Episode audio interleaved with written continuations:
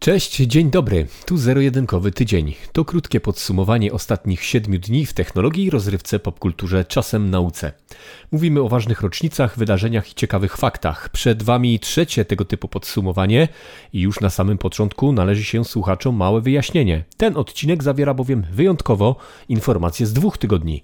Zero-jedynkowy tydzień w zeszłym tygodniu nie ukazał się z powodu remontu naszego biura.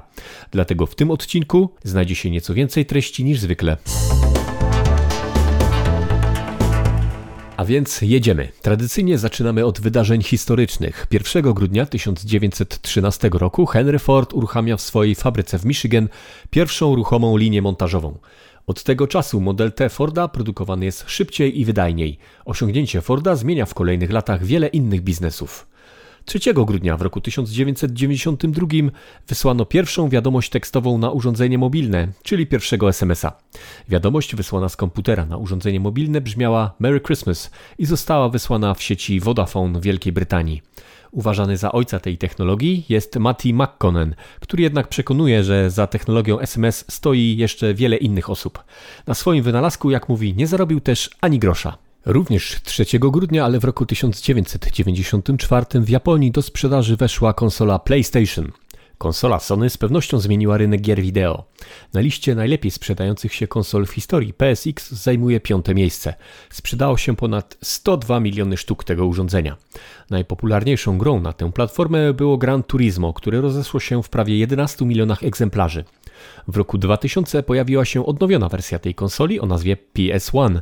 Do końca roku była najlepiej sprzedającą się konsolą roku 2000, wyprzedzając nawet swojego sukcesora w tym czasie, czyli PlayStation 2, które na rynku pojawiło się w marcu tego samego roku. Przenosimy się o tydzień do przodu. 10 grudnia 1993 roku miała miejsce premiera jednej z najgłośniejszych gier w historii elektronicznej rozrywki. Mowa o Dumie.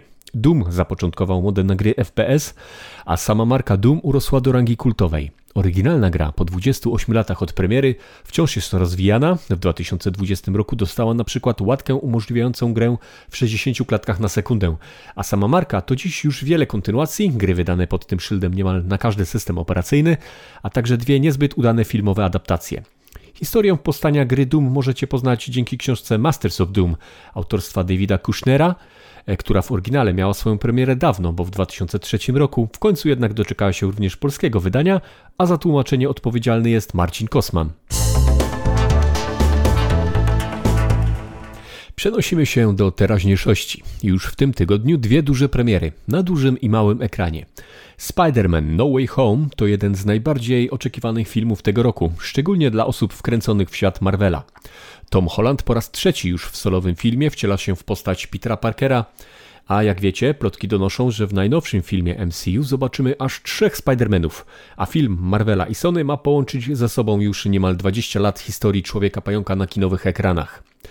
Na Netflixie z kolei zadebiutuje drugi sezon Wiedźmina. Jedni go kochają, inni nienawidzą po pierwszym sezonie, ale nie można mu odmówić wielkiego sukcesu. W roli Geralta z Rivi oczywiście Henry Cavill. Spider-Man, ale w wersji animowanej, czyli kontynuacja filmu Spider-Verse, wejdzie do kin w przyszłym roku i będzie podzielona na dwie części. Druga pojawi się na ekranach rok później. Pierwszy zwiastun tej produkcji pojawił się już w sieci. Pozostając w tematyce rozrywki Netflixa, Cowboy Bebop nie dostanie drugiego sezonu. Serial na bazie anime z lat 90. z Johnem Cho w roli głównej nie zyskał wielkiej akceptacji widzów i Netflix kasuje go już po pierwszej serii. I'm OK, napisał na Twitterze Cho po ogłoszeniu tej informacji. Chcąc, nie chcąc podejmować tego tematu, wciąż jesteśmy w stanie pandemii. Od 15 grudnia zmieniają się nieco obowiązujące obostrzenia. Od 20 grudnia do 9 stycznia uczniowie szkół podstawowych i ponadpodstawowych uczyć będą się zdalnie. Od połowy grudnia każda osoba podróżująca do Polski będzie musiała wykonać test na obecność koronawirusa, bez względu na to, czy jest zaszczepiona. Test nie może być starszy niż 24 godziny przed przylotem do Polski. Testy wykonywać będą musieli również domownicy w przypadku, kiedy jeden z nich okaże się zakażony. E, od tego obowiązku również nie zwolni szczepienie. Od 15 grudnia zmiany nastąpią również w transporcie zbiorowym, klubach, restauracjach, kinach czy obiektach sportowych. Szczegóły tych obostrzeń znajdziecie we wpisie na Gigwebie.